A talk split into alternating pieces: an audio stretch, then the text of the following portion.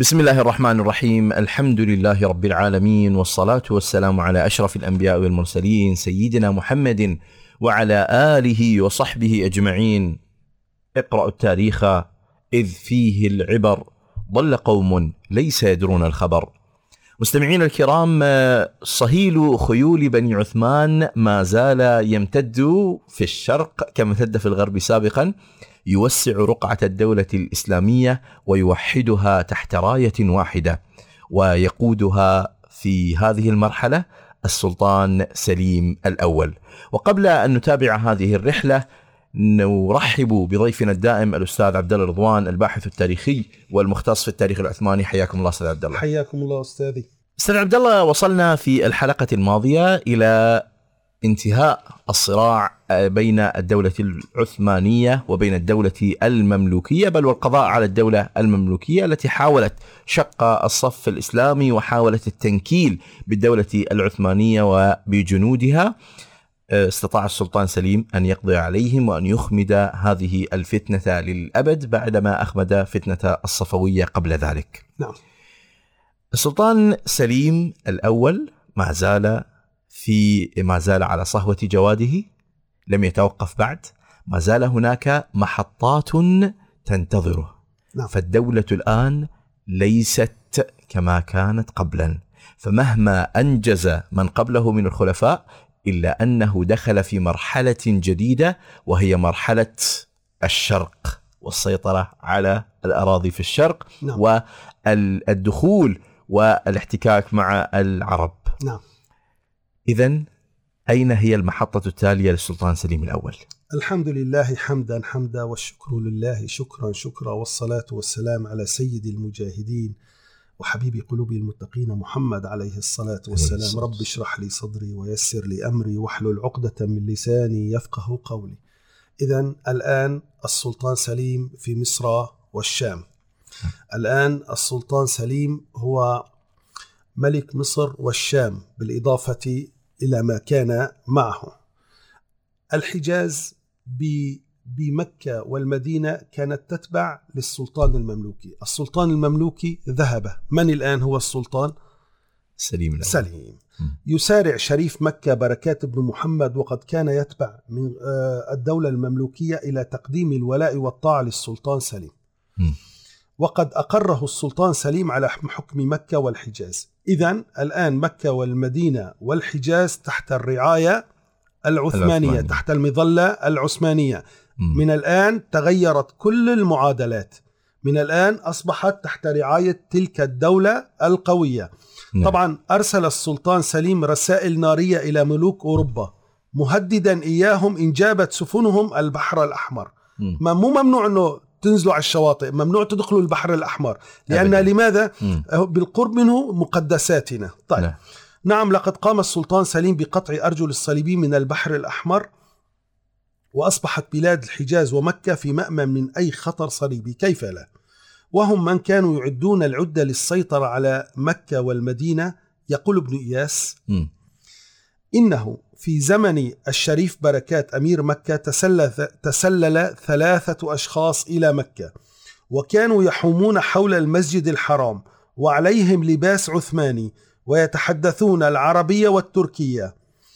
فأم- فأ- فأمر بالقبض عليهم وبعد التحقيق معهم ظهر أنهم جواسيس. أرسلوا كأدلاء للجيش البرتغالي الصليبي.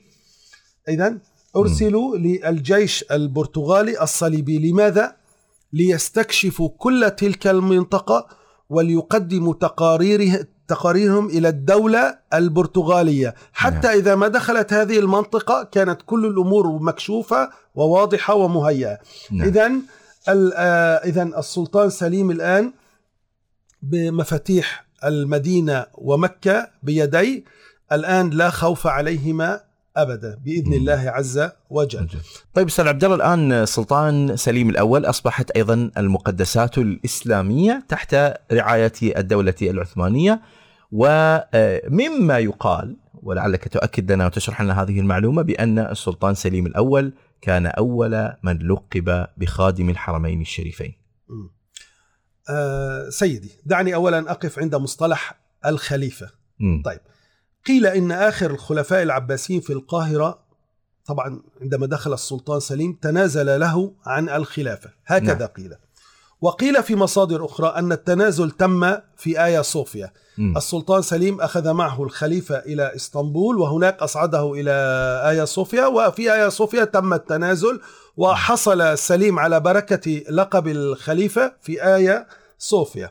نعم. طيب آه، وقد أنكر أكثر المؤرخين هذا التنازل على كل حال ما يهمنا نحن أن. السلطان سليم كان أطلق على نفسه لقب الخليفة منذ عام 1514 قبل دخوله إلى الشام دخل إلى الشام 1516 في نعم. معركة مرج دابق إذا قبل. آه، طبعا هذا الرجل هو كان يستحق لقب خليفة نعم. الآن ثلاث قارات أوروبا وآسيا وأفريقيا بيده يعني يستحق إن لم يكن هو الخليفة. من هو الخليفة؟ نعم. لكن وال- والآن جميع الأقطار الإسلامية تتبع له. طبعا. مم. و و وأين الخليفة العباسي؟ الخليفة العباسي في هيكل كرتوني يعني على نعم. عرش كرتوني لا يملك ولا يحكم صحيح. ابدا. فأنا ما ما عندي هم أتوقف عند لقب الخليفة بحد لأن لأن هذا الرجل كان تحققت فيه صفات الخلافة بكل م. ما تعنيه الكلمة. من معنى. بالنسبة للقب خادم الحرمين الشريفين الذي أطلق على السلطان سليم وكان أول ما أطلق عليه هذا اللقب آه، كانت آه، مناسبة هذا اللقب أنه عندما وصل إلى مصر قام آه، خطيب المسجد وخطبه بملك الحرمين الشريفين. لكن السلطان سليم اعترض على هذا وقال بل أنا خادم للحرمين الشريفين. وكدليل على هذا ماذا كان يفعل السلطان سليم؟ كان يضع ريشة على عمامته هي آه، إشارة إلى المكنسة. يعني أنه آه، هو يشرفه أن يكون مسؤول عن الحرمين الشريفين وتنظيف الحرمين الشريفين. وعلى فكرة أخي عبد الله. كل الذين كانوا يقومون على تنظيف الحرمين الشريفين كانت الرواتب يتلقونها من أين؟ من السلطان ب- بذاته. طيب هذه قصة الخادم الحرمين الشريفين أخي نعم نعم نعم الآن أستاذ عبد الله بعد إعلان ال- الخلافة بشكل أو بآخر سواء ثبتت رواية أن الخليفة العباسية المتوكل آخر خلفاء الدولة العباسية تنازل عن الحكم ل أو تنازل عن الخلافة للسلطان سليم الأول أو لم يحدث ذلك إلا ما أن الثابت بأن الخلافة انتقلت الآن من الدولة العباسية إلى الدولة العثمانية حيث نعم. أصبحت جميع أقطار العالم الإسلامي تتبع الخليفة العثماني السلطان سليم الأول دعنا يعني أستاذ عبد الله يعني نخرج من الشرق قليلا الآن ونعود إلى الغرب أو ربما أصلا إلى ما يؤثر به الغرب في الشرق أو هذه الأيادي الغربية التي تعبث في الشرق. ونعود إلى اصطدام السلطان سليم الأول مع بعض الأيادي الغربية التي تعبث بالمنطقة. نعم. فمن هؤلاء وكيف حدث ذلك؟ حقيقة أخي عبد الله لقد شغل السلطان سليم بحربه ضد الصفويين وضد المماليك شغل عن هؤلاء نعم. فهؤلاء عاثوا في الأرض فسادا وطبعا من استثمر هذا أكبر استثمار أيضا الصليبيون في الأندلس نعم. يعني أصبح الجو يعني كل شيء أصبح مهيأ لهم الآن لا رأس للمسلمين لا يوجد هناك قوة حامية لماذا؟ لأن السلطان سليم مشغول بجهاده ضد من؟ ضد الصفويين وضد المماليك. الآن هم أصبحوا سادة البحار هم. سادة المتوسط وهم سادة البحر الأحمر. طيب هذه ال- طبعا لا ننكر أن الدولة المملوكية في أول عهدها قاومتهم لكن في النهاية ضعفت أمامهم وما عادت سفنهم تستطيع أن تجوب البحار وأن تقاومهم أبدا أبدا مم. طيب ال- السلطان سليم آه، مباشرة طبعا آه، قام ب بعد أن فرغ من مصر مباشرة أعد العدة لحرب هؤلاء مم. وكان همه الأكبر تنظيف البحر الأحمر منهم بشكل نهائي نعم. لماذا؟ هم كل سواحل البحر الأحمر تقريبا معهم مع البرتغاليين مم. تمام نعم. هؤلاء ماذا كانوا يفعلون مثل ما قلنا كانوا أول ما يدخلون منطقة يهدمون المساجد يحاربون الإسلام يمنعون الحج وربما كانوا يغيرون على سفن الحجيج أيضا نعم. تمام مم. طيب وكان شعارهم دائما وأبدا إما أن يتنصر المسلمون أو يواجهوا مدافعنا مم. هذا هو طب إذا هكذا وبكل صفاقة فرضوا سياسة الأمر الواقع طبعا عندما كانوا يريدون دخول أي منطقة أتعرف عزيزي المستمع من يساعدهم؟ من كان يساعدهم؟ من تظن أخي عبد الله؟ إنهم اليهود. نعم. واسمع ماذا يقول الشناوي في كتابه أوروبا في العصر الحديث. إن البرتغاليين استعانوا في حملاتهم باليهود الذين استخدموا كجواسيس وقد ساعدهم في ذلك معرفتهم باللغة العربية. مم. يا أخي طيب يعني بالأمس والد يعني ه- هذا الرجل هو من جاء بكم وأنقذكم من ال- ال- ال- المذبحة في, في, في الأندلس. نعم. هكذا تردون المعروف للمسلمين. طيب. آه ولكي طبعا ولكي تصل الرسائل بشكل صحيح إلى البرتغاليين يقوم السلطان سليم بتوجيه ضربات سريعة وخاطفة أذهلت البرتغاليين وقضت مضاجعهم. فقد استطاع استرداد أكثر الموانئ الإسلامية في البحر الأحمر مثل مصوع وزيلع. كما قام بإرسال طبعا بإرسال قوة بحرية إلى الساحل الإفريقي فتم تحرير مقديشو ومنبسة آه، من من رجش الجيش البرتغالي الذي مني بخسائر فادحة سنرى طبعا بعده السلطان سليمان سيتابع هذا الملف الساخن وبكل قوة. طبعا نعم إذا لقد أصبح منذ الآن العثمانيون هم حراس الشواطئ البحرية وحماة قوافل الحجاج والمؤن للمدن المقدسة خاصة وأن فرسان المقدس القديس يوحنا كانوا يقطعون الطريق على الحجاج المسلمين. طيب الآن أخي عبد الله وبعد أن من الله بالفتح. على السلطان سليم نعم بعد قليل سيترجل هذا الفارس عن صهوة جواده هذا الفارس الذي كان يفيض حبا لرسول الله عليه الصلاة والسلام. ولديه محاولات شعرية لكن في اللغة التركية كان يقول في إحداها لا يستطيع أحد أن يصل إلى الحق بدونك. يخاطب المصطفى صلى الله عليه وسلم. يخاطب حبيبه رسول الله صلى الله عليه وسلم. لا يستطيع أحد أن يصل إلى الحق بدونك. أنت رحمة للعالمين يا رسول الله. بل رسول الكرم ويا منبع العطاء. جنديك سليم مليء بالأخطاء. إنه يلتجئ إلى مقامك راجيا العطاء. كل عظمة عندما تقف أمام نعلك يا رسول الله تتصاغر. انظر هذا السلطان سليم سلطان الدنيا. انظر كيف يخاطب رسول الله عليه الصلاة عليه والسلام. الصلاة والسلام. سيد الرجال المصطفى عليه الصلاة والسلام. نعم هذا السلطان الدنيا لم يكن يومها على وجه الأرض رجلا أقوى من سليم ومع ذلك هو يفاخر أن يكون جنديا عند رسول الله عليه الصلاة والسلام. عليه الصلاة والسلام. موته كان بسبب خراج كبير خرج في ظهره من طول جلوسه على صهوات حصانه وسفره. هل عرفت أخي عبد الله لماذا كانوا يموتون مبكرا؟ نعم. نعم هناك ضريبة ضريبة نعم. جسدية عالية تقدم كانت من طرفهم. وفي سكرات الموت طلب السلطان سليم من صديقه حسن جان أن يقرأ على رأسه سورة ياسين. مم. الله أكبر.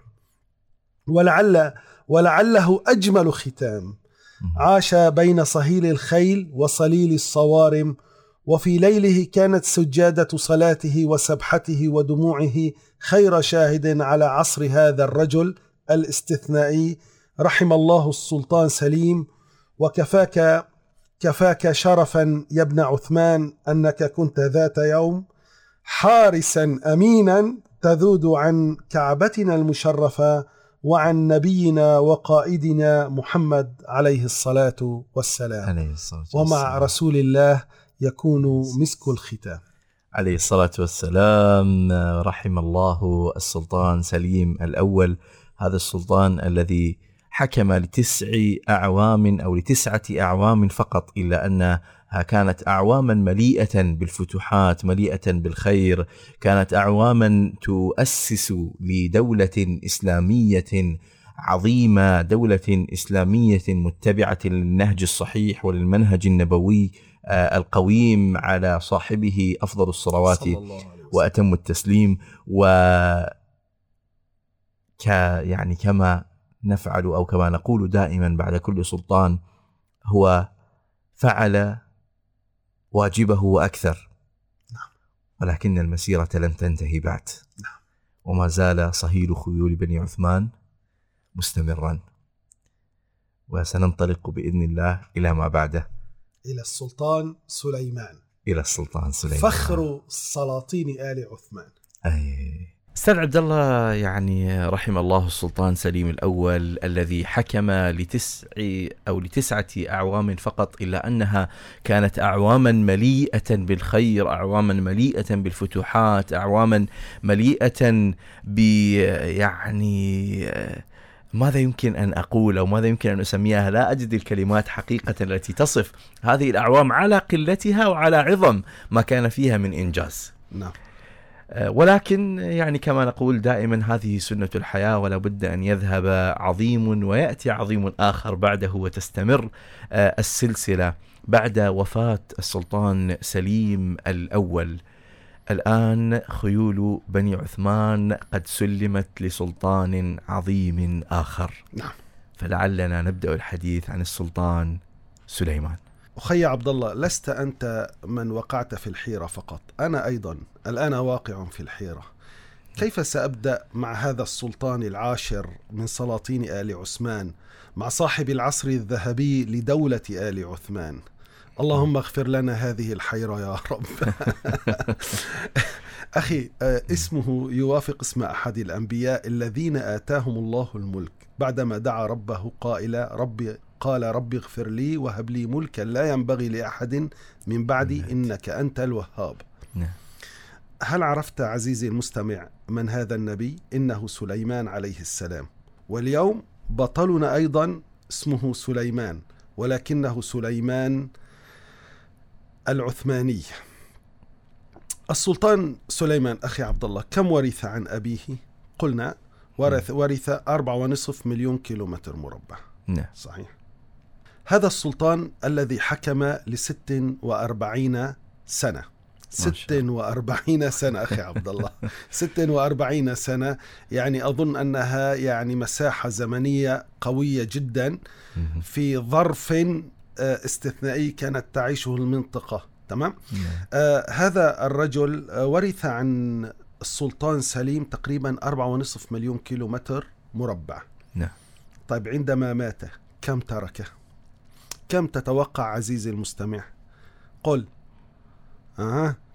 تقول ستة سبعة ثمانية قل خمسة عشر مليون كيلو متر مربع. ما شاء الله. هذا. هو نعم. السلطان سليمان. والله شيء لا يصدق. يعني آه، حكمه قد قارب على نصف قرن لكن حقق فيه المعجزات. لماذا لماذا حاز على كل هذه الأراضي و وأقام دولة العدل بكل معنى الكلمة؟ لأنه كان واثقا بربه. لأنه كان واثقا بنفسه واثقا بشعبه وبالعدل الذي أرساه في دولته فلا غرابة أن يحوز على كل هذه الأراضي. إذا نحن الآن في حضرة سليمان بن سليم ابن بيازيد الثاني ابن محمد الفاتح ابن مراد الثاني ابن محمد الجلبي ابن بيازيد الأول ابن مراد الأول ابن أورخان ابن عثمان ابن أرطغل أرطغل الذي كان يبحث عن أرض لقبيلته ليأوي إليها من شر ما حوله ما, حوله من القوى. الآن يعني بدأ بألف أو أربعة آلاف هكذا يعني شيء بسيط جدا أربعة آلاف كيلو متر مربع. الآن الآن حفيده عنده عنده خمسة عشر مليون. سنبدأ الحلقة أخي عبد الله بثلاث قصص. اخترت ثلاثة قصص كل قصة من- منها تتناول جانبا من جوانب حياة هذا الرجل الفذ العملاق. طبعا أعتقد أن نساء آل عثمان عقمت أن ينجبن مثل هذا الرجل قولا واحدا مع أني أحب السلطان عبد الحميد وأنت تعرف كم له رصيد في نفوسنا نعم. لكن مثل هذا الرجل الاستثنائي من بعده طبعا لم يأتي رجل مثله أبدا. أخي عبد الله اسمح لي أن أبدأ الحلقة من تلك اللحظة الفارقة من وفاة السلطان سليمان. لنلتقط ذلك المشهد المؤثر الذي يرسم لنا تلك الشخصية. سليمان آه، كان في أحد غزواته توفي طبعا هو في أخريات عمره آه، في أواخر عمره ما كان يستطيع أن يمتطي الجياد بشكل جيد بسبب مرض النقرس. ولذلك كان يقول لمساعديه ثبتوني يعني حاولوا أن تساعدونني يجب أن أذ... انظر إلى هذا التصميم هذا الإصرار. رجل آه، منهك جسده منهك من هذا المرض. وقلنا أن مرض النقرس هو الداء الذي كان آه، يعني يهجم على آل عثمان. نعم. هم ابتلوا بهذا الداء. نعم. الآن هذا السلطان القانوني مات.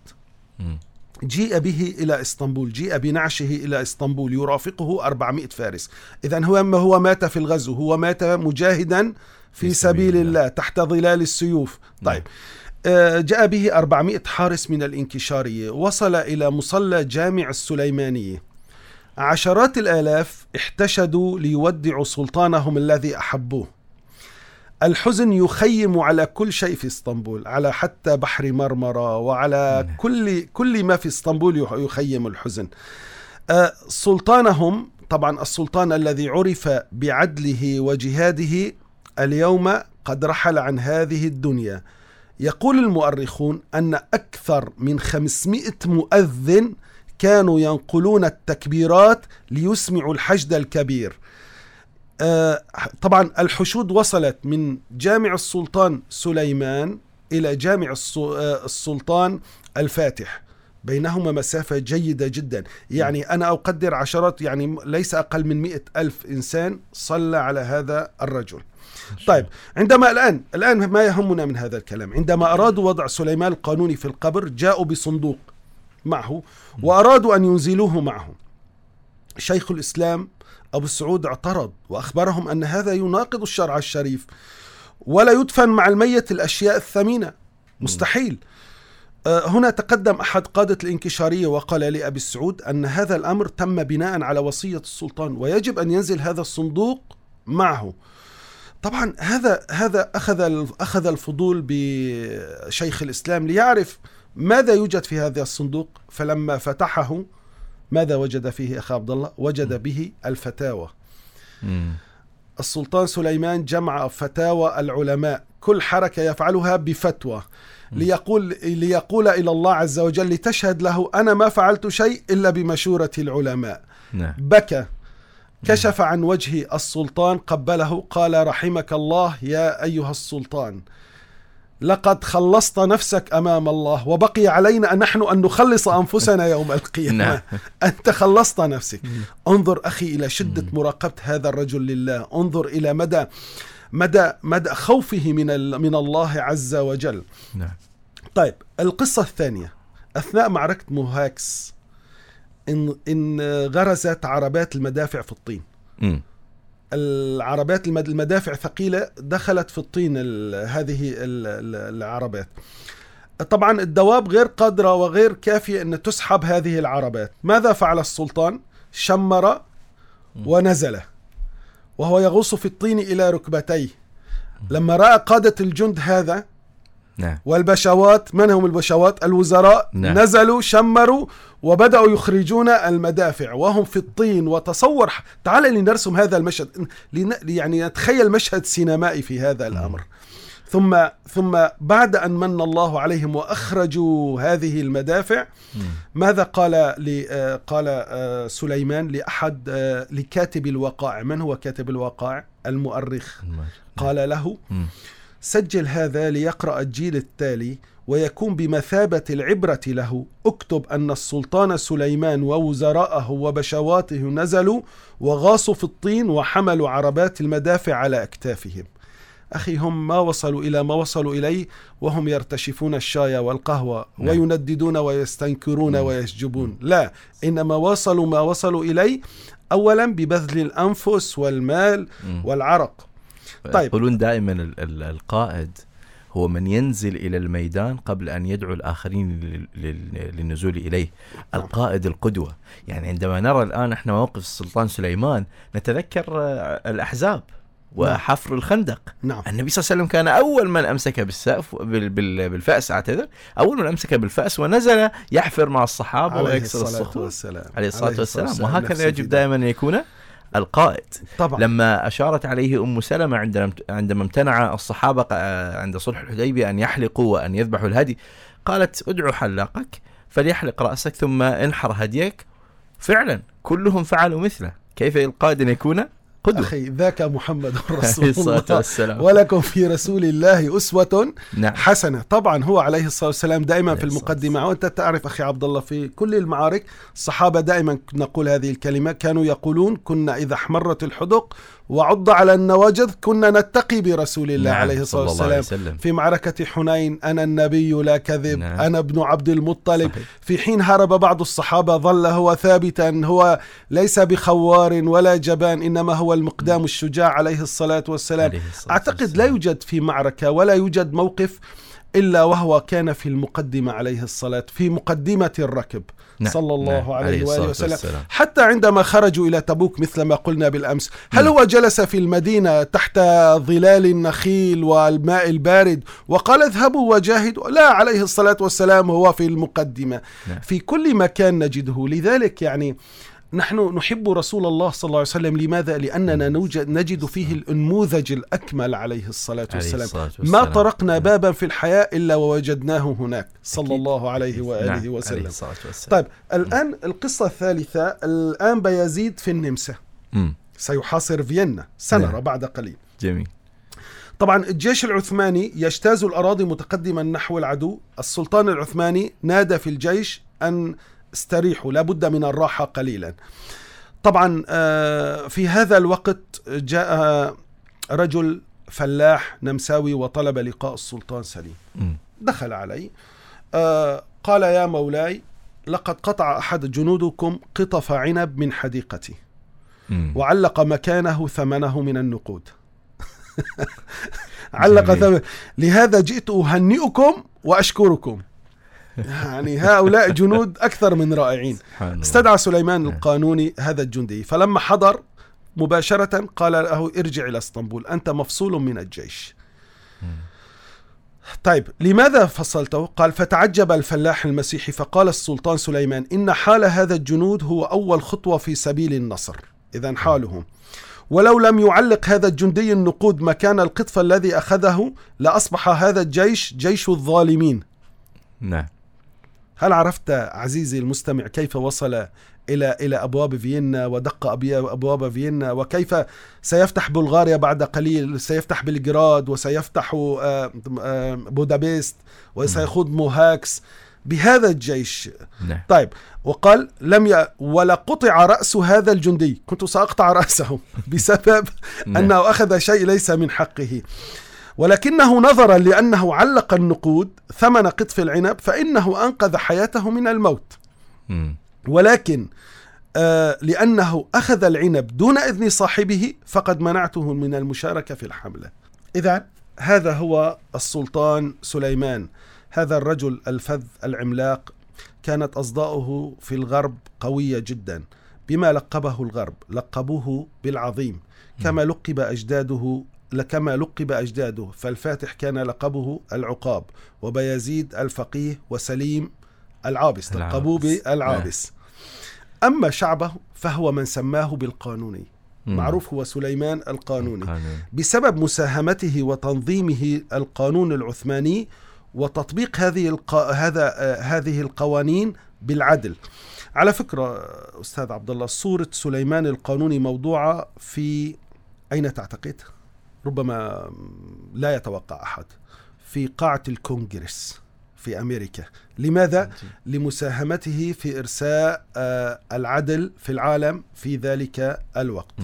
يعني ما. ما ما خطه من قوانين يستخدم الآن حتى في آه، أمريكا والدول الأوروبية آه، يعني هذه لا هو ما خطه من قوانين كان مم. لها أثر على ذلك العالم في وقته مم. تمام يعني هذا رجل هم يعتبرونه سابق لعصره جميل. يعني بينما أوروبا وأماكن أخرى كانت تغرق في الظلم هو كان آه، يتبنى يعني يتبنى العدل.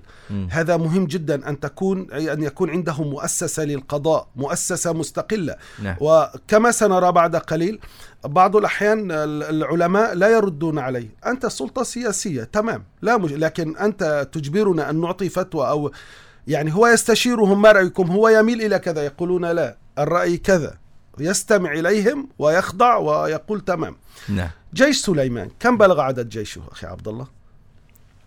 آه قلنا بدأنا نحن في بداية الدولة العثمانية ب 400 فارس. صحيح نعم. الآن عدد الجيش 350 ألف ما شاء الله 350 ألف نعم. طبعا باستثناء الجنود غير النظاميين يعني لما تعلن الحرب الكل يأتي مم. طيب يساندهم كم مدفع 300 مدفع عنده اسطول من السفن مكون من 300 سفينة حربية. في عهده طبعا أوروبا فقدت كامل الثقة أنها ستخرج من القارة الأوروبية. قالوا نحن انتهى لن نستطيع أن نخرج العثمانيين من القارة الأوروبية. الثورة العمرانية طبعا في في عهده بلغت أوجها. هو شيد مسجد السليمانية طبعا آه، احتفى بمسجد أبي حنيفة النعمان في بغداد. آه، مسجد جلال الدين الرومي في قونيا. جدد جدد جدد. هل أقول ماذا جدد؟ جدد أسوار بيت المقدس. جدد أسوار بيت المقدس. وهذا ماذا ماذا يعني هذا؟ يعني أنه لم ينسى بيت المقدس ونحن أيضا لن ننسى بيت المقدس. وكل يوم نجدد أسوار المقدس في قلوبنا قولا واحدا. القدس لنا وليست لليهود.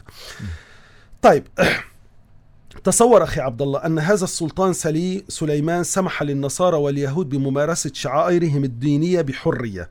هذا في الوقت الذي عدت فيه اسكتلندا وإنجلترا وألمانيا آه، الكثلكة كجريمة اذا هم كانوا يعتبرون المذهب الآخر جريمة. نعم.